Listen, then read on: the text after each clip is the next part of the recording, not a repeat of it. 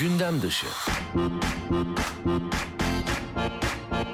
tok karnına yapmazlarsa. Hmm. Çünkü diyaframla çalışacakları için en azından bir, bir buçuk saat önce bir şey yemiş olsunlar ya da boş mide olsun. Aa, dinleyiciler de artık nefes almayı kusmadan becersinler. Bence de. İkinci egzersiz köpek nefesi. Böyle ah, çok koşmuş, onu da hatırlıyorum koşmuş, kitapta. Değil mi? Ay, değil dil dışarıda. Ha, dil dışarı. Evet evet ama evet. yine böğrünüze Köpek koyun. oldum sizin için sevgili dinleyen. El, el böğürde pardon. El böğürde. Daha seri yapın bunu. Nasıl çalıştığını hissediyorsunuzdur. Keşke görsel de olsa da bir görseler bize de. Yapmayın iyi ki yok. Bunu mesela... Bunun İtalyanca adı neydi? Staccato. staccato. Kesik kesik demek. E, bunu mesela e, kesintisiz olarak bir dakika boyunca yapmak baş dönmesine sebebiyet verir. Hmm. E, çok fazla oksijen Çok fazla oksijenden dolayı çok fazla oksijen alkol etkisi yaratır. Radyo televizyonunuz kurulu için zorunlu uyarı. Çok fazla nefes almayın. İhtiyaç olmadıkça nefes al. İşte Facebook'ta orada burada hani yaşlı dedeler komik bir müziğin altında zıplıyor çok eğlenceli gibi görünüyor zannedebilirler ama zikir çok doğru bir şeydir. Denesinler. Hayır o yaşlı amcaların videosu var ya bir tane böyle çılgınca dans ettikleri evet, böyle evet. o geldi aklıma da onu ama deneme. doğru bir şey. Öyle mi? Evet doğru ah. bir şey tabii. Peki. bir gün deneriz sizin ne istiyorsanız. Serhat Sarı Sözen'le gündem dışı her pazar saat 16-18 arası RSFM.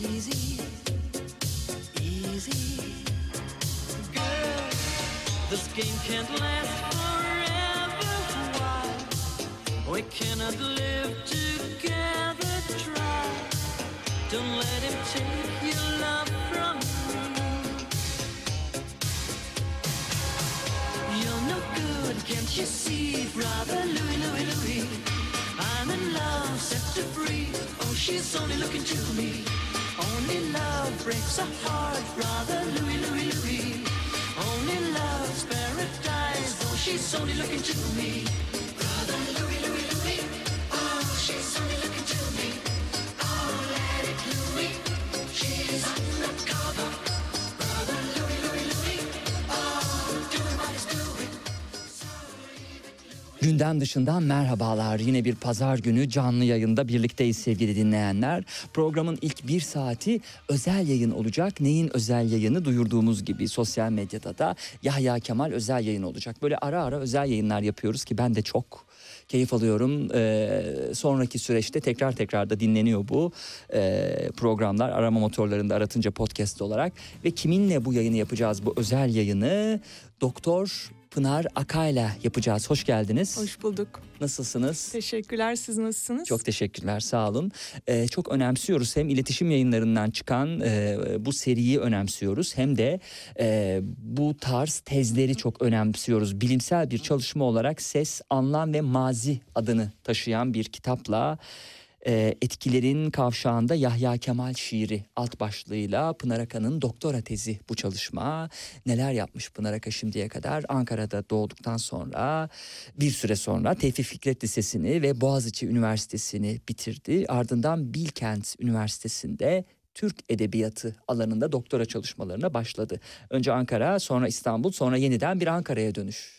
Evet e, Türk Edebiyatı yüksek lisans derecesini aldı. Sonra Paris 12. Üniversitesi'nde e, doktora derecesi aldı. TRT 2'deki 25. kare programı Hürriyet ve Milliyet gazetelerinde çalıştı. İlk öykü kitabı Aynalara Yolculuk 1996 yılında Bilgi Yayın Evi tarafından yayınlandı. İkinci öykü kitabı Yarım Gül ve ilk şiir kitabı Şairin İkizi 2006 senesinde. Hayal ve Lale isimli ikinci şiir kitabı 2008 yılında.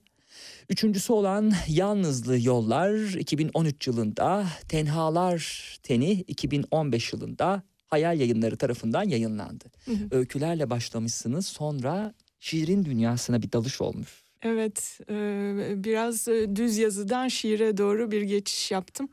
E, sanırım asıl ilgi alanımın şiir olduğunu keşfettim zamanla. Evet. E, yani tabii düz yazıyla da ilişkimi tama, tamamen kap- e, bitirmedim ama şiir e, kesinlikle daha çok ilgimi çekiyor. Bundan sonra peki ne ne olacak? Yani Pınar Aka ne yönde devam edecek? Yine şiir kitapları mı gelecek? E, şiir, Çünkü bu kitap değil mi evet. çok e, ekstrem bir yani doktora tezinin e, bir e, yansıması olduğu için hani bunun gibi araştırma kitapları herhalde gelir mi bilemiyorum ama ne, neler var projeler arasında? Ee, evet ara- bir taraftan e, araştırmaya da devam etmek Hmm. istiyorum. Ee, yani onu o, o dalı da bırakmak istemiyorum kesinlikle. Ee, onun da önemli olduğunu düşünüyorum. Ee, özellikle Yahya Kemal konusunda başka çalışmalar da yapabileceğimi Hmm. düşünüyorum. Ee, çünkü biraz e, yani şair olarak çok e, sevilen ve bilinen bir şair olmasına rağmen e, inceleme olarak biraz e, ihmal edildiğini Hmm. düşünüyorum. Yani bir düşünür olarak da ele alınması gerekiyor. Ee, belki Tanpınar'la ilişkisi Hmm. bağlamında e, bir şeyler yazılabilir diye Ahmet. Haşim'le ilişkisine belki geliriz Evet, kitapta. Üçüncü evet. bölümde sanki değil mi? Evet evet. Başka yazarlarla ilişkisi hem yerli hem yabancı e, bu analizleri görüyoruz. Okuduk kitabınızda ama e, dediğiniz gibi e, başkaca e, araştırma çalışmalarıyla Yahya Kemal'i yeniden e, okumak doğrusu iyi olur. Son şiir kitabınızla da bir ödül almışsınız. E, Oğuz Tansel Şiir Ödülü. Evet doğru. Evet, peki. Ee, Yani şiiri de bırakmayı tabii ki düşünmüyorum. Ee, Şiir çevirisi konusunda da bazı Hmm. çalışmalarım var. Ee, Şu anda e, hazır bekleyen e, bir Baudelaire e, Hmm. çevirilerim var. Hı. Onun yayınlanmasını bekliyorum. Ee, Yani bir taraftan şiir çevirisi, bir taraftan e, şiir üzerine genellikle araştırmalar, bir taraftan da kendi şiirlerim. Evet. Üç e, ana dal diyelim. Ee, tabii Pierre Baudelaire deyince e, doğrudan e, Yahya Kemal'le de e, ilişkili olduğu, hani etkilendiği yazarlar bağlamında ilişkili olduğu e, için sizin de e, zaten baştan beri e, ilgi alanınızdaydı muhtemelen. E, dolayısıyla Evet. şiir çevirisi de zordur ama Evet e, öyle denir ama e, bana e, yani keyifli gelen bir şey aslında şiir çevirisi yapmayı seviyorum. Te- tezim içinde Yahya Kemal'in şiirlerini Türkçeden Fransızcaya çevirdim. Evet. O tabii di- diğerinden daha da zordu. Baudelaire çevirmekten daha zordu Evet. çünkü genellikle hani yabancı dilden kendi ana dilinize çevrilir. Orada tabii ben kendi ana dilimden yabancı dile Evet. çevirmek zorunda kaldım.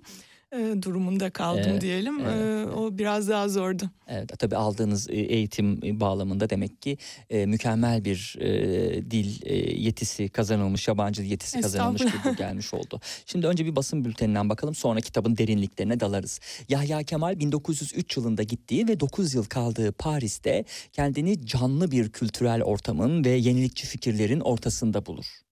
Bu dönem Paris'in kültürel tarihinin en parlak zamanlarından biridir aynı zamanda. Yahya Kemal bu süreçte Victor Hugo, Théophile Gautier, Theodore de Banville gibi isimlerin şiirini de yakından tanımaya başlar. Ancak onu asıl etkileyen Verlaine ve bilhassa Charles Pierre Baudelaire olur. Özellikle tarihi ve divan edebiyatı üzerine yaptığı araştırmalar sonucunda kendi geçmişini ve kültürünü de gerçek anlamda burada keşfeden Yahya Kemal memlekete döndüğünde ise şiirlerini hiçbir yerde yayımlamadan dilden dile dolaşan dizeleri sayesinde büyük bir üne kavuşur. Pınar Aka Ses, Anlam ve Mazi adlı çalışmasında Yahya Kemal'in şiirini kişisel ve kültürel yönleriyle ele alıp bu unsurların şiirin inşasına nasıl katkıda bulunduklarını araştırırken Doğu Batı, geleneksel modern, imge ses gibi ikili karşıtlıkların nasıl etkileşime girip şiirsel bir denklemde bir araya geldiğini de sorguladı bu tezinde. 2 Aralık 1884'e götürüyorsunuz ilk başta okuyucuyu değil mi? Yahya Kemal'in e, doğumuna. Rumeli fatihlerinin torunları olan annesi Nakiye Hanım ve babası İbrahim Naci Bey aynı aileye mensuptur ve soy ağaçları büyük dedeleri İbrahim Paşa'da birleşmektedir. O hani e, bir üst soyuna gittiğimiz zaman nasıl bir ailede doğduğunu anlam açısından neler söyleyebilirsiniz? Ee, şimdi Yahya Kemal e, ataları ile ilgili iki şeye önem veriyor. Bir e, Le- Leskov, Leskovçalı Galip isimli bir e, şair atası var. Hı hı. Ee, bir de e, asker diyebileceğimiz o e, Rumeli'nin fatihlerinden bir takım e, ataları var. Şey Suvar Paşa. mı? Evet, Evet. evet. Ee, o e, yani Yahya Kemal de bu e, iki unsura çok önem veriyor. Yani e, bir taraftan bu e, Türklerin e, askeri yönüne önem veriyor. Bir taraftan da e, şiirle olan bu derin bağlarına önem veriyor. E, bu e, iki unsurun atalarında birleşmiş olması onun açısından anlamlı. Hı hı. E, şiiri de e, aslında belki bu e, tarihle ilişkilendirmesi, Tür- Türklerin e, bu e, fetih geleneğiyle Hmm. il- ilişkilendirmiş olması biraz da atalarından geliyor diyebiliriz. Hı hı hı. E, tabii Türkçenin kullanımına da özen gösteren bir e, şair. E, Şehsuvarzadeler olarak anılmaya başlanacaktır ailesi. Yahya Kemal de soyadı kanunun çıkmasından sonra çok saygı duyduğu ve aynı adı taşıyan e, atalarının ismini Türkçeleştirerek Beyatlı soyadını alacaktır. Bu arada sevgili dinleyenler bir parantez, bir dipnot koyalım. E, program boyunca okuduğum metinlerin tamamı Pınar Akan'ın iletişim yayınlarından çıkan Ses, Anlam ve Mazi kitabından alındı. Başkaca hiçbir yerden hazırlık yapmadım ve alıntı yapmıyorum. Yayın boyunca Pınar Akan'dan cümleler size aktaracağım ve yazarıyla da hani şey- konuyu açmasını rica edeceğim. Hani bu açıklamayı yapayım. E, programın sonunda da zaten aynı uyarıyı yapmış olacağım. Şimdi anne ve babasının tanışma hikayesine bir gidelim.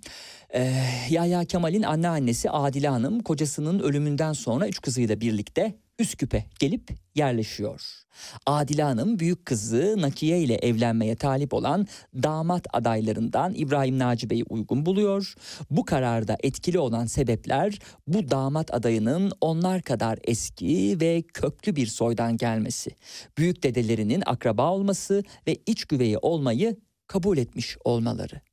Adile Hanım İbrahim Naci Bey'in fazla alafranga bir hayat sürdüğü, gösterişi sevdiği, müsrif ve çapkın olduğu söylentilerini de dikkate almıyor. Oysa bu söylentilerde gerçeklik payı olduğu sonradan ortaya çıkacak. Evet, yani aslında bu Doğu Batı meselesi Yahya Kemal'in ailesinde de karşımıza çıkıyor. Yani e, babasının daha f- ziyade Batı'yı temsil ettiğini e, söyleyebiliriz. Annesi e, daha dindar bir insan. E, e, yani dinine, işte geleneklerine çok bağlı. E, yani bu ailesindeki bu ikili karşıtlık da e, sonradan e, kültürel konulara da yansıyor diyebiliriz. Yani psikolojik olarak da o arada kalmışlık durumunu Yahya Kemal'in önce ailesinde e, yaşamaya Yaşıyor. başladığını görüyoruz. E, fakat e, tabii Yahya Kemal e, babasına saygı göstermekle birlikte ona içten içe biraz e, kızgın olduğunu ya da Hmm, içerlediğini hmm. görebiliyoruz. Bu önemli bir detay. Evet. Adile Hanım'ın varlıklı oluşu sayesinde Nakiye Hanım ve İbrahim Naci Bey onun geniş evine yerleşip maddi sıkıntı çekmeden yaşamlarını sürdürürler. Ancak İbrahim Naci Bey'in müsrifliği ve gösterişi olan merakı ailede gerginliğe sebep olmakta gecikmez. Üsküp'teki sakin hayattan sıkılan İbrahim Naci Bey, Nisan 1897'de patlak veren Türk-Yunan Savaşı yüzünden güvenliklerinin tehlikede olduğu gerekçesiyle karısını ve oğullarını Selanik'e taşınmaya zorlar. Karısının yakalandığı verem hastalığının da Selanik'teki doktorlar tarafından daha iyi tedavi edileceğini ekler.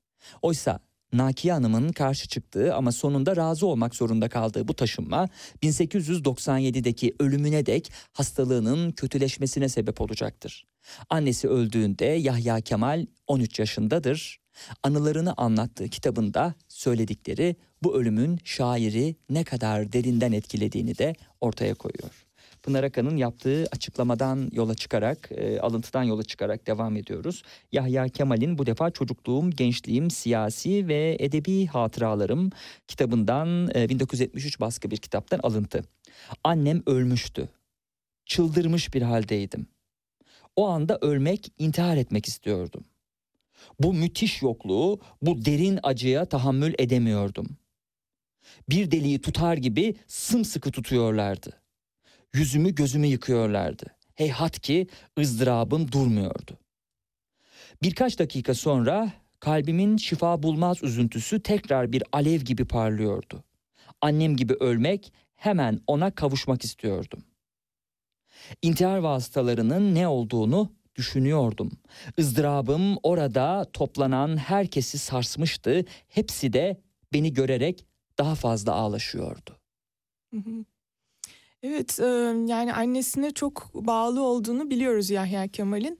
ve bu açıdan da yani babasını annesinin ölümünden sorumlu tuttuğunu anlayabiliyoruz. Bu taşınmanın yani Üsküp'ten Selanik'e taşınmalarının anneli annesinin ölümünde etkili olduğunu düşünüyor Yahya Kemal ve muhtemelen de doğru çünkü annesi Nakiye Hanım toprağına o doğduğu yaşadığı şehre çok düşkün olan bir insan. ve işte babasına olan bu biraz bastırılmış kızgınlık orada da daha şiddetlendi diyebiliriz. Evet kitabınızda şunu da anlıyorum. Annesi e, çok dindar bir kadın e, ve fotoğraf çekmeye de karşı ya da resime de karşı yani hani o tarihte fotoğraf bilmiyorum hani nasıl yaygın mıydı var mıydı yok muydu. Dolayısıyla annesi e, Yahya Kemal annesini hatırlayamıyor. Hı hı. Bu da ayrı bir ızdırap kaynağı olsa gerek. Yani çok sevdiğiniz biri hayatınıza son vermek istiyorsunuz bir an evvel ona kavuşmak için ama bakacağınız hı hı. bir fotoğraf bile yok. Hı hı. Çünkü annesi kat, e, şey, Katolik diyorum koyu dindar bir e, Müslüman kadın. Hı hı.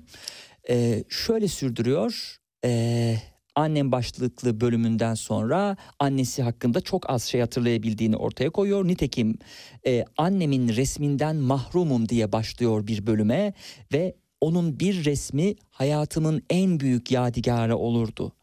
Annemin simasını şimdi iyi hatırlayamıyorum.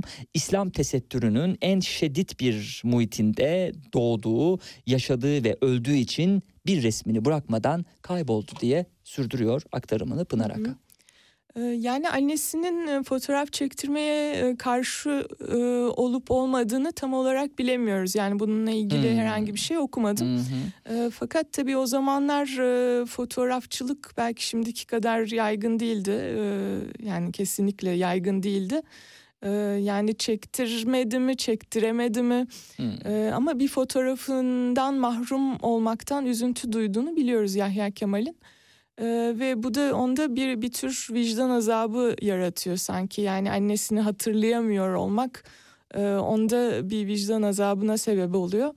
E, o açıdan e, bir sıkıntı çekiyor gerçekten. Evet. Peki bu izlenime kapıldınız mı siz de? Hani kitapta bilimsel bir eser olduğu için bunu e, böyle belirtmediniz ama sanki ben e, tabii bilimsel bir, bir tez yazdığınız için sonuç olarak hani belki Hı. duygularınızı katmak istememişsinizdir ama şimdi yayındaki samimiyetle sormuş oluyorum. Benim aynı düşünceleri paylaşır mısınız? E, hangi, ne açıdan? Bu e, fotoğraf çektirmeme hassasiyeti konusunda. Yani onu bilemiyorum. Yani hmm. öyle bir e, hani e, fotoğraf çektirmem o açıdan e, hiç düşünmedim. Düşünmedik peki. Anneyi iyi hatırlayamıyor olmanın yarattığı vicdani rahatsızlığın Yahya Kemal'de ya doğrudan anneyi ya da dolaylı olarak şairin doğduğu ve Osmanlı İmparatorluğu'nun Balkan Savaşları sırasında kaybettiği kentlerden biri olan Üsküp'ü ve imparatorluğun kaybettiği diğer toprakları ve bunların tarihini hatırlama çabasıyla telafi etmeye çalışıldığı anlaşılmaktadır. Aslında şiir yazma ediminin kendisi de bu çabanın bir ürünü olarak görülebilir. Şair şiir yazarak kaybolan bir şiir geleneğini yani divan şiiri geleneğini yavaş yavaş Arapça ve Farsça oldukları gerekçesiyle kullanılmamaya başlanan kelimeleri kısaca unutulma tehlikesiyle karşı karşıya bulunan ana dilini anımsamaya ve böylelikle de yaşatmaya çalışır. Şiir yazma edimiyle diriltilmek istenen bu annenin okuma yazma bilmiyor olmasıysa Yahya Kemal'in hayatıyla ilgili ilginç tezatlardan biridir diyecektir Pınar Aka. Evet e, yani anneyle tabii ana dil e, arasında e, bir paralellik kurulabileceğini düşünüyorum. Bu dile olan aşırı bağlılığı divan şiirine olan bağlılığı, bu kayıp, kaybolmuş, unutulmuş sözcüklere olan bağlılığını biraz e, annesini hatırlama e, çabasıyla ilişkilendiriyorum. E, yani bu e, fotoğrafına sahip olmamaktan dolayı e, annesini hatırlayamıyor olmanın vicdan azabını bir anlamda öyle telafi etmeye çalışıyor diye düşünüyorum. Freud'un ölüm dürtüsüyle de ilişkilendirmişsiniz değil mi bu durumu? Evet, e, yani Şiirle ölüm direnmesi. Evet, evet, evet. E, yani işte ölüm dürtüsü ve yaşam dürtüsü arasında e, kalıyor insanlar Freud'a göre. E, tabii annenin ölümünü e, bir anlamda e, yaşam dürtüsü olan şiirle telafi etmeye çalışıyor diye düşünüyorum. Evet. Şimdi tabii Yahya Kemal'in Üsküp'le derin bir bağ olduğunu anlıyoruz. Pınar Akan'ın kitabını okudukça. Fakat annesinin ölümünden sonra artık Üsküp Yahya Kemal'in gözünde doğduğu şehir değil, annesinin öldüğü şehir olur. Hı hı. Bu topraklarda uzun süre kalamaz. Birkaç kez Selanik'e gittikten sonra önce İstanbul'a, oradan da Paris'e geçer. Hı hı. Nasıl bir Paris vardı o dönemler? Ee, o dönemde e, tabii Paris'in kültürel olarak en canlı dönemlerinden birisi e, var Paris'te. E, bu Fransızca La Belle Époque deniyor yani güzel çağ diye çevirile, çevirebiliriz bunu. E, gerçekten çok canlı e, yani kültürün başkenti olarak görülüyor Hı hı. o dönemde Paris. Ve e, Türkiye'deki e, işte yazıp çizen insanlar, aydınlar e, hepsi Paris'e gitmeye Hmm. can atıyorlar. Hı hı. Yahya Kemal tabii çok genç yaşta gidiyor. 18 yaşında e, gidiyor. E, babasına da haber vermeden gidiyor aslında. Böyle bir tür kaçış gibi. E, tabii bu kaçış neyi temsil ediyor? Yani Hmm. annesinin ölümünden kaçış olarak da e, yorumlayabiliriz. Çünkü dediğiniz gibi bu topraklar e, bir anlamda onu ona ölümü hatırlatan topraklar e, oluyor onun için. E, Paris'e kaçıyor ve 9 sene Paris'te kalıyor. Hı hı. Ee, işte ilk önce bir sene Fransızca öğreniyor Mo Koleji'nde. Tek kelime Fransızca bilmediğini öğrendik. Evet Paris'te. gittiğinde bilmiyor. Hı Ee, fakat bir senede çok kısa bir zamanda öğreniyor. Bir sene de aslında uzun bir zaman değil mi? Hiç dil bilmediğiniz bir topraklarda Evet, yaşamak evet, için evet. bir başka bakış açısıyla Fransızca öğrenmek için kısa olabilir ama peki o bir seneyi nasıl geçiriyor? Ee, bu bir koleje ya- yazılıyor bir Hı hı. e, tanıdığının e, tavsiyesiyle e, Mo Koleji adı verilen Hı hı. bir koleje. Ee, sonra Fransızca öğrendikten sonra da e, bir e, başka bir okula e, yazılıyor. Fakat o okulu bitiremiyor. Ee, orada e, işte pol- politik politika e, okuyor. E, işte siyasi bilimler Hı hı. diyebileceğimiz bir okulda. Oraya geleceğiz o zaman Hı hı. izninizle oraya geleceğiz. Ee, tabii babasının haberi yok Paris'e giderken. Hı hı. Babasından gelen mektupla rahatlıyor. Çünkü annesi yok. Babası da sırt çevirirse iyice ortada kalacak. Dil bilmediği bir şehirde. Ama babası e, para gönderip ihtiyaçlarını karşılayacağını mektubunda yazınca hani firarından dolayı yine tırnak içinde Pınar Akan'ın aktardığı gibi hani onu affettiğini de öğrenince Hı hı. e, rahat bir nefes alıyor Yahya Kemal. E, Paris'e Paris'te tanıştığı Jön Türklerden Abdullah Cevdet ona Fransızca öğrenmek için kentte 3 saatlik mesafede bulunan Mo Koleji'ne yazılmasını tavsiye eder. Bu tavsiye uyan Yahya Kemal bir sene boyunca burada Fransızca öğrendikten sonra 1904'te yeniden Paris'e dönüp Quartier Latin'e yerleşir ve babası ona ancak eğitim görmesi şartıyla para göndereceğini söyler. Burada o dönemin en büyük Fransız tarihçisi addedilen Albert Sorel'in değil mi Evet doğru. derslerine girer. Evet. Ee, Bu dersler e, onun için e, çok önemli oluyor ve kendi e, kültürünü araştırmak konusunda Hmm. da e, onu teşvik ediyor. E, Tabii Albert Sorel e, Fransız e, tarihi ve kültürüyle ilgili bir takım te- önemli tespitlerde bulunmuş. E, ve Yahya Kemal bunları e, Türk tarihine ve kültürüne Hmm. uyarlıyor. E, Ve Tabii o Fransa'nın köklerini araştırınca değil mi? evet. Ben de Türk köklerini, Türkiye'nin köklerini araştırmalıyım diyor. Selçuklularla ve Osmanlılarla devam ediyor araştırmasına ve nihayet Türkiye Cumhuriyeti'ne varan Anadolu ve Rumeli Türklerinin 9 yıllık 900 yıllık serüvenini araştırmaya bu çalışma, e, bu dersler yöneltiyor. Evet. E, yani toprağın e, önemini anlıyor orada e, Yahya Kemal. Yani bir milleti yaratanın o toprağın kendisi olduğunu keşfediyor diyebiliriz. Yani nasıl Fransız toprağı, Fransız milletini yarattıysa Türk topraklarının da Türk milletini yarattığını düşünüyor. Hmm. Ve öyle bir görüş benimsiyor ve geliştiriyor. E, ve bu yönde yani tarih konusunda da önemli araştırmalar yapıyor. Evet. Tabii e, politik bilimler ilgisini çekmediği için 3 sene boyunca okuyor. E, tabii 3 senede esasında birinin bir şeyi sevmediğini anlaması için uzunca bir süre bakmayın ama Hı-hı. o sırada tabii Paris'in sosyal hayatı, kafeleri fazlasıyla Hı-hı. meşgul ettiği için bunu anlaması 3 yıl sürmüş benim anladığım kadarıyla. e, ve okulun diplomasının da hiçbir işe yaramayacağını anlıyor Pınar Akan'ın cümleleriyle. Edebiyat eğitimi bu defa edebiyat eğitimi almak için Sorbon'a yazılmak istiyor. Ancak isteği ona dört sene daha para göndermek istemeyen babası tarafından reddediliyor. Tahsili boyunca pek de başarılı olamayan Yahya Kemal dönemin Paris'inin kültürel ortamından ama buna karşın iyi yararlandığını öğreniyoruz yine Pınar Akan'ın kitabı sayesinde.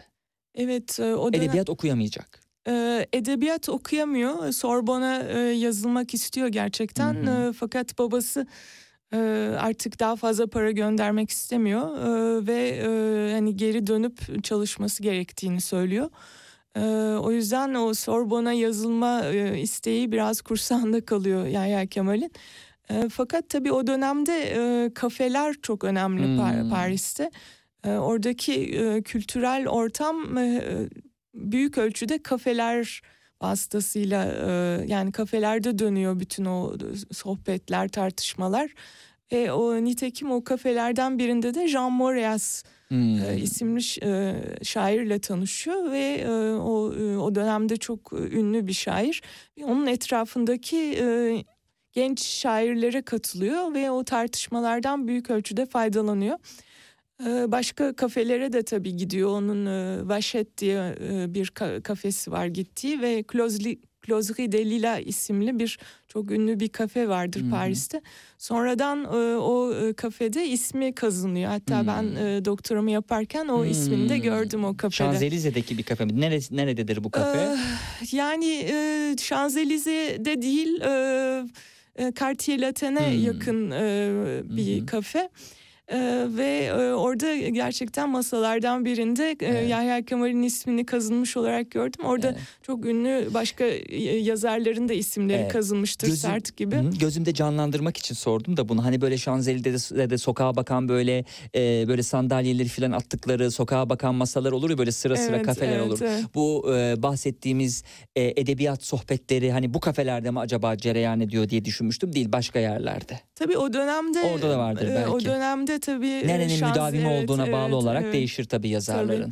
Tabii. E, o dönemde hani Şanzelize'den ziyade başka e, mahalleler daha böyle kültürel tartışmalar evet, için evet, daha öne çıkıyordu. Evet, evet. Şimdi baktığımız zaman esasında Yahya Kemal'e e, bunu da söyleyip söylememekte kararsızım ama şimdi e, Fransa'ya giden, okumak için giden ama okulunu da bitiremeyen e, hani şimdi olsa mesela hani şimdi Hı-hı. olsa vasat diyeceğimiz bir e, biri gibi gelir değil mi gözümüzde Hı-hı. canlanır.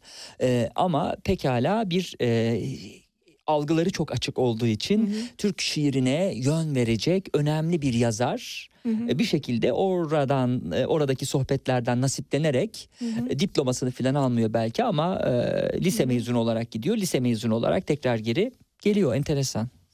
Evet tabii o e, Cumhuriyet'in e, ilk yıllarında aslında lise mezunu olmak çok e, değerli bir şey. Değerli bir doğru, şey. Doğru. Yani bugünkü lise ama mezunları gibi değil. Türkiye'de okuyor liseyi sonuç olarak. Yani evet, Fransa'ya evet. eğitim için gidiyor ama eğitim olmadan gelmiş gibi oluyor. Evet aslında Türkiye'de de işte Galatasaray'a ve Robert Kolej'e hmm. girmek istiyor fakat giremiyor. Ondan o zaman sonra... da mı zormuş? Hani şimdiki zor da o zaman evet, daha kolay evet, katılınan bir evet, okul olarak evet. biliriz ya. Ee, o, o zaman da girememiş. Ee, dediğiniz gibi e, yani eğitimli fakat e, çok tabii dediğiniz gibi çok kültürlü bir insan. Çok e, algıları çok açık e, ve e, çok araştıran bir insan. döndüğü zamanda Türkiye'ye e, gerçekten bir efsane oluyor ve onun hmm. so yani nasıl o kendisi e, Jean Moreas'ın sohbetlerine katıldıysa belki Jean Moreas'tan bile daha e, ünlü ve daha büyük bir efsane oluyor Türkiye'ye döndüğünde. Herkes onun sohbetlerine katılmaya can atıyor. E, ve gerçekten de çok e, kültürüyle insanları çok besliyor. Evet. Eh, tabii eh, en çok sevdiği kafelere uğrayacak ve Marsilya'ya gitmek üzere trene binecektir. Hayatımın en iyi şeyi olarak tanımladığı bu seneler şairi dönüştürür ama biraz beklenmedik bir şekilde. Osmanlılık ve Müslümanlığı terk eden bir ruhla Paris'e geldim. Milliyetimin kıymetini Paris'te duydum diyecektir. Evet e, dediğiniz gibi e, yani Paris o devirde e, Türk gençleri, aydınları için özgürlüğü temsil ediyor. Öyle hmm. bir sembolizmi var. Yani o özgürlüğe kaçış gibi gidiyor Paris'e. Tabii o neden kaçtığı da ayrı bir konu yani kendi psikolojik e, bir takım e, sıkıntılarından da e, dolayı kaçmak istemiş olabilir. E, Paris'e işte e, özgürlük ülkesine git, gitmek için gidiyor. E, fakat orada kendi kültürünü ve geçmişini keşfediyor. Yani divan şiirini de aslında Paris'te keşfediyor. Hmm. Orada e, Milli Kütüphane'ye sanırım e, sık sık gidiyor. Hmm. Divan e, şiirli, şiiriyle ilgili kaynakları inceliyor. E, ve e, yani şiirsel anlamda da kültürel anlamda da kendi kültürünü tanımasının e, yolunu açıyor ona Paris. Böyle ilginç bir şey aslında. evet. Yahya Kemal 1912 yılında İstanbul'a döndüğünde Paris'te Batı kültürünü ve şiirini olduğu kadar Osmanlı kültürünü ve şiirini de derinlemesine incelediğinden renkli sohbetleriyle dinleyenleri büyüleyerek giderek edebiyat toplantılarının en gözde konuğu haline gelir ve çoğunlukla genç edebiyatçılardan oluşan hayranları etrafını sarar. Abdülhak Şinasi Hisar'ın da söylediği gibi Yahya Kemal daha şiirlerini yayınlamadan dilden dile dolaşan dizeleriyle birdenbire büyük bir üne kavuşur. Böylece de Türk edebiyatında herhalde dünya edebiyatında da ilk kez dil eseri bir şiiri bile yayınlanmadan üne kavuşan tek şair olur. Hı hı. Evet o ilginç bir detay aslında Yahya Kemal ile ilgili. Yahya Kemal'in şiirleri biraz da bizim sözlü kültür geleneğimizle de uyumlu bir şekilde hep e, dilden dile dolaşmış.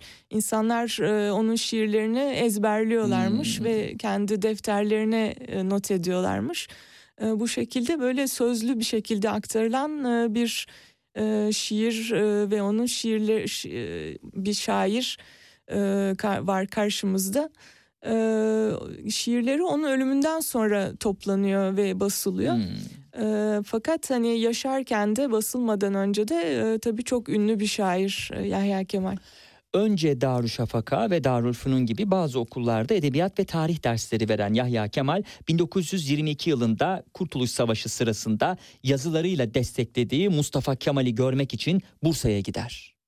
Ve onunla tanışır. Şairin gerçekçi görüşlerinden etkilenen Mustafa Kemal onu Lozan konferansına gönderecektir.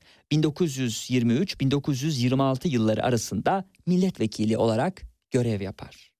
Yahya Kemal 1926-1948 yılları arasında büyükelçi olarak görevlendirilir. Büyükelçi olarak görev yaptığı ülkeler Polonya, İspanya ve Pakistan'dır. Hı hı. Tahmin edeceğimiz gibi Fransa değildir. Hı hı, evet. evet. Ee, özellikle tabii İspanya onu çok e, hmm. etkiliyor biliyorsunuz. Ee, bir şiirine de çok ünlü bir şiiri Endülüs'te Raks şiirine hmm. ilham kaynağı oluyor hmm. e, İspanya yılları. Ee, ondan, ve e, diğer bulunduğu ülkelerden de etkilendiğini söyleyebiliriz. Ee, bu büyükelçilik yılları e, şiirlerine de yansımış. Hmm. Ee, ve e, bu bundan e, keyif aldığını düşünüyorum. Evet. Atatürk de keşfetmiş yani bir e, değil mi entelijansiyası yüksek biri olarak da e, tanıştığı zaman görüştüğü zaman içkiyi hmm. ve sigarayı azaltması konusunda doktorlar tarafından defalarca uyarılan Yahya Kemal yaşam tarzında bir değişiklik yapmaktan hep uzak durur. 1947 yılından itibaren şairin rahatsızlıkları yoğunlaşır ve kendisine hemoroid te- teşhisi konur. Şairin hastalıkla pençeleşmesi öldüğü 1958 yılına kadar devam edecektir. Yahya Kemal'in cenazesinde görülmemiş bir kalabalık olduğunu da yine Pınar Akan'ın cümlelerinden öğreniyoruz. Hı hı. Ee, Evet çok ünlü tabii öldüğü zaman da çok ünlü. Ee, Fakat dediğiniz gibi e, yaşam tarzını pek değiştirmek istemiyor. Çok e, işte sohbetleri seviyor, e, yemeği içmeyi bir şeyi de kilosu da biraz fazla. Hmm. E, yemeği Kaç içmeyi. kilo gibi mesela? Ee, Yani tam tam olarak bilemiyorum ama e, kilolu, ve kilolu. cüsseli Hmm, fotoğraflardan biliyoruz e, Hmm. cü- cüsseli bir Hmm. insan olduğunu. E, Tabii sağlığını da etkiliyor bu yaşam tarzı. Evet. Yahya Kemal'in yaşadığı devir Osmanlı İmparatorluğu'nun dağılıp yerine Türkiye Cumhuriyeti'ne bıraktığı döneme denk gelmektedir. Bu dönem aynı zamanda modernleşme ve Doğu Batı meselelerinin Türk entelektüel iklimini işgal ettiği bir dönemdir.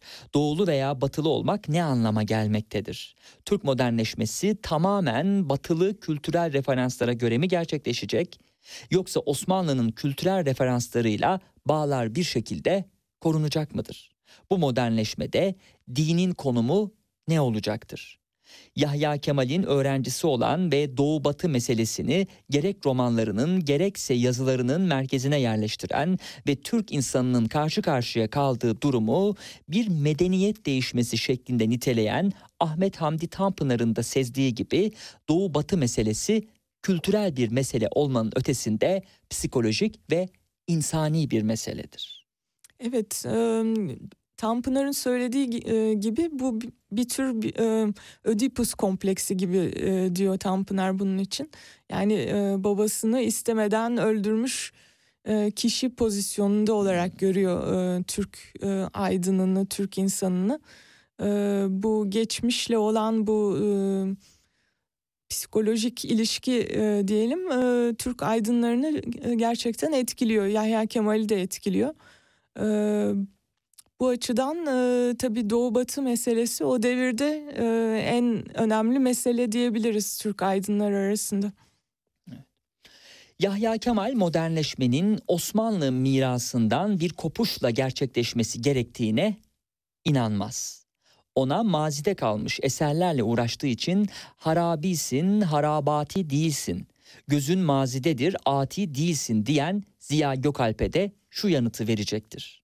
Ne harabi ne harabatiyim, kökü mazide olan atiyim. Evet bu gelenekle ilişki kurma meselesi tabii çok e, önemli Yahya Kemal'de. E, yani e, gelenekten kopuşla modern olunamayacağını e, bir anlamda keşfetmiş e, insan ki e, bunu birçok batılı düşünürde de görüyoruz. Yani gelenekle ilişki kurmanın hem şiir anlamında hem kültürel anlamda ne kadar önemli bir şey olduğunu e, pek çok düşünür söylüyor. Ee, Yahya Kemal de belki de e, bunu e, keşfeden ilk e, kişilerden birisi olması bağlamında e, çok önemli bir yere sahip Türk kültür hayatında. Nitekim Pınar Aka da e, tezinin birinci bölümünde modernliğe ayırmış ki Batı'nın kültürel kimliği ve modernlik, Batı modernliği karşısında Türk modernliği, Yahya Kemal ve Türk modernliği e, alt başlıklardan. E, nitekim modern şiirde ikinci bölümde kendisine yer buluyor. Modern Batı şiirinin kurucusu olarak Bulder'i görüyoruz ilk başlıkta. Sonra şiir ve eleştiri bireyselleşmiş bir şiir diye devam ediyor. Eh, şair İstanbul'a döndükten sonra bir yandan modern Türk şiirini kurarken bir yandan da Osmanlı kültürü ve divan şiiriyle olan bağlarını koparmamaya büyük özen gösterir. Nitekim Tanpınar'da Yahya Kemal bize yeninin kapısını açan insanlardan biridir. Bunu Servet-i Fünuncular gibi mutlak bir inkarın arasından yapmaması belki de en büyük masariyetidir diyecektir. Hı hı. Yahya Kemal'e göre Batı etkisi Türk edebiyatının zayıf tarafını yani nesrini yakalamıştır. Bu nedenle Tanzimat'tan bugüne kadar nesir sahasında belki tamamıyla garplı eserler yazılmış olabilir ancak şiirde böyle bir şey mümkün değildir. Çünkü Türk şiirinin bir mazisi hem de çok zengin bir mazisi vardır. Evet, burada da Yahya Kemal'in bir ikili e, kimliğini görüyoruz. Bir, bir taraftan e, son divan şairi olarak nitelendiriliyor e, şiirleri e, açısından. E, diğer taraftan da modern Türk şiirinin kurucusu ve e, Ahmet Haşim'le birlikte iki kurucusundan birisi olarak nitelendiriliyor. E, bu Yahya Kemal'i ilginç yapan e, unsurlardan birisi de bu zaten. Yani e, hem işte divan edebiyatını bir anlamda kapatmış ola, kapatan kişi ya da onun en son ve en e, iyi örneklerinden birini vermiş e, şair olarak tanımlanıyor. E, diğer taraftan da modern Türk şiirini e, kuran, onun üzerine ve sadece modern Türk şiiri konusunda ilk örneklerden birini veren değil, aynı zamanda onun üzerinde düşünen de bir kişi. Yani şiir üzerine düşünmeyi de ihmal etmiyor Yahya, Yahya Kemal. Yahya Kemal'i Türk şiir tarihinde olduğu gibi Türk entelektüel dünyasında da bir öncü kılan, onun ya batılı ya doğulu olmak dışında başka bir yol daha olduğunu keşfetmiş olmasıdır. Bu da doğulu kimliğinden ve mazisinden ödün vermeden doğulu ve batılı oluşu yeniden yorumlamaktır. Yahya Kemal'in bu bakış açısı onun görüşlerinin ve şiir anlayışının bir kez daha Delü ve Gattari'nin ortaya koyduğu bir kavram olan meşru ayırıcı sentez çerçevesinde ele alınmasına da olanak verir. Evet, e, Deleuze ve Guattari'nin e, aynı zamanda oluş diye bir kavramları var. E, yani ya o ya o olmak dışında her şeyi bir oluş süreci olarak tanımlıyor. Ve bu Yahya Kemal de bence yani Deleuze Zün bahsettiği bu e, oluş kavramını içselleştirmiş bir şair. E, bir e, yani hem gelenekten alacağını alıp hem e, modernlikle ilgili e, alması gerekenleri alıp bunları bir araya getirebilen bir e, şair ve düşünür. Gerçekten de Türk entelektüelleri ve sanatçıları tarafından aranan Doğu Batı sentezinin pek çok boyutu vardır. Doğulu ya da batılı olmak hem coğrafi hem tarihi hem dini hem kültürel hem dilsel bir meseledir. Doğulu ya da batılı oluşu bu unsurlardan birine indirgemek de mümkün değildir. Öte yandan Doğu ve Batı da birbirinden bağımsız olarak var olamayan iki kavramdır. Doğu doğulu oluş, Batı batılı oluşla birlikte vardır. Şiir söz konusu olduğunda mesele daha da karmaşık bir hale geliyor. Şiirde etki meselesi gerek etkilenen gerekse etkileyen şairle ilgili olarak kültürel ve subjektif faktörlerin devrede olduğu ve bu faktörlerin şiirin dinamikleri içinde kaynaştırıldığı ve bir yapıda sabitlendiği çok boyutlu bir mesele. Zira metinler arası bazı göndermelerde kendini gösteren basit bir etkiyle şairin şiirinin tamamına yayılan ve belli bir mantık etrafında şekillenen derin bir etkiyi aynı kefeye koymak da mümkün değildir diye sürdürüyor anlatımını Pınar Aka. Evet. Ee, yani tabii bir şair pek çok başka şairden, e, düşünürden, filozoftan, e, tarihçiden etkilenebiliyor. E, fakat bu esas derin etki dediğimiz şey bana göre bu şiirsel baba meselesiyle bizi karşılaştırıyor. Ee, bu Harold Bloom'un ortaya attığı bir kavram. Ee, ve her şairin e, baba olarak gördüğü ya da şiirsel baba olarak gördüğü bir şair, bir şair olduğunu e, ve e, bu e, babayla e, bir tür hesaplaşma ilişkisi içine girdiğini, onu hem aşmaya çalıştığını hem ona hayran olduğunu ama aynı zamanda e, aşmaya da çalıştığını e, söylüyor. E, ben de e, tezimde bu konuyu incelemeye çalıştım Yahya Kemal bağlamında. Yahya Kemal'in iki babası, şiirsel hmm. babası olduğunu düşünüyorum. Bir tanesi Baudelaire, ikincisi de Nedim. Hmm. Burada da bir işte Doğu Batı arasında arada kalmışlık durumunu görebiliyoruz.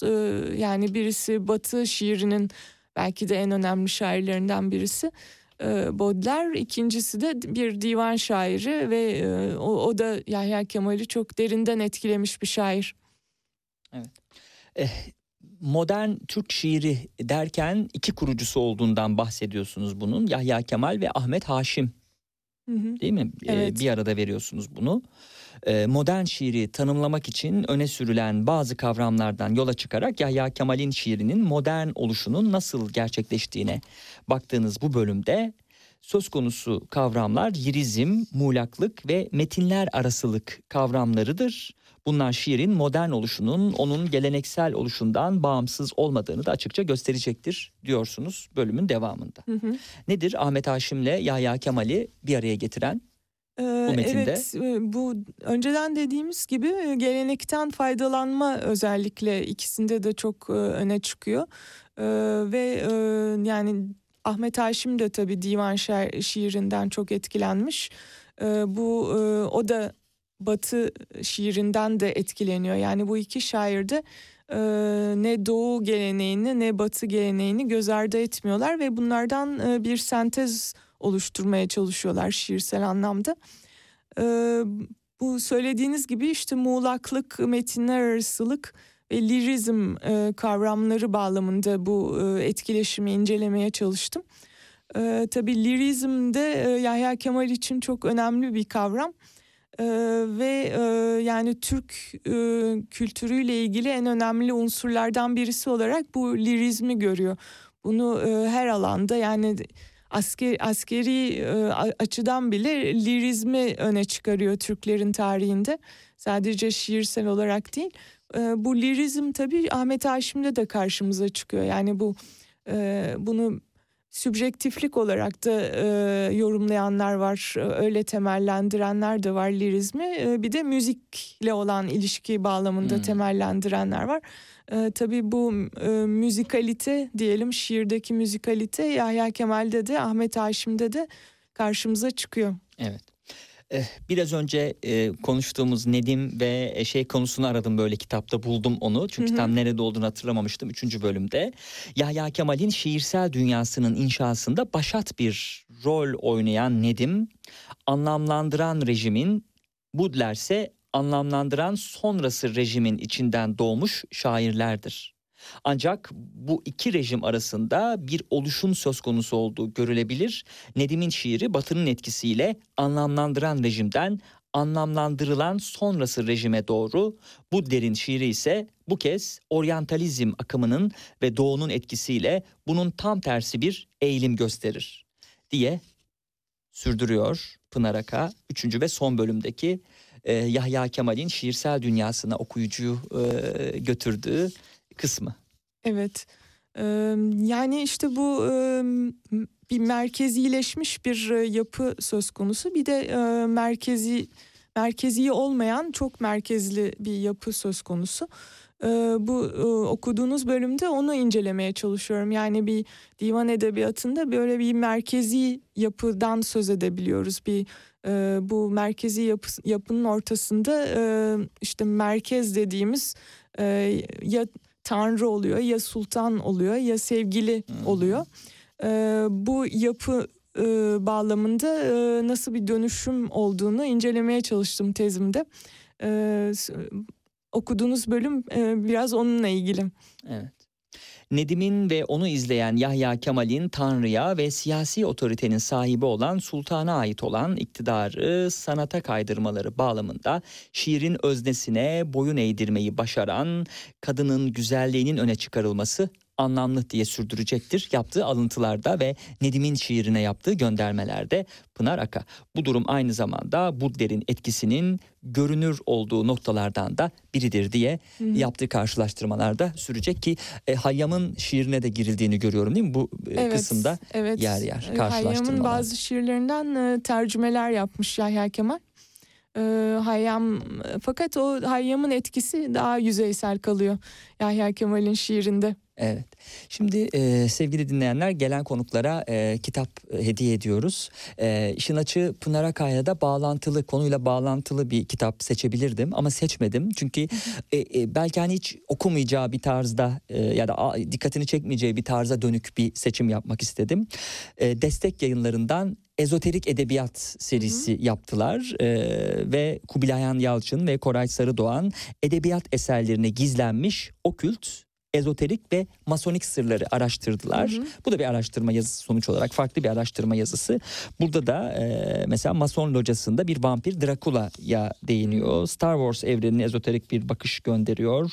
Büyücü Crowley'in dedektifine bakıyor ve Kryptonlu Musa'yı inceliyor. Bu kitabı size hediye etmek çok istiyoruz. Çok teşekkürler. Destekten. Aslında çok da ilgimi çekti bu e, eser. Yaşasın. E, ezoterizm de ilgi alanlarımdan biri. Yaşasın. Çok teşekkür ediyoruz. Bir saatin sonuna geldik programda. Ben çok teşekkür ederim. Ee, sağ olun. Doktor Pınar Akay'la iletişim yayınlarından çıkan bilimsel eserinin daha genel okuyucu için sadeleştirilmiş ve Türkçe'ye çevrilmiş olan e, nüshası üstünden e, hazırlığımızı yaptık geçtiğimiz hafta ve Yahya Kemal e, üzerine bir özel yayın yapmaya çalıştık.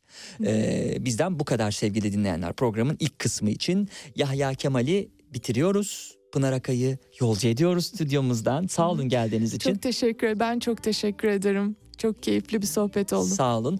Dakikalar içinde 17 haberlerine bağlanacağız. 17 haberlerinden sonra bu defa Erdal Kaplan Seren stüdyo konu.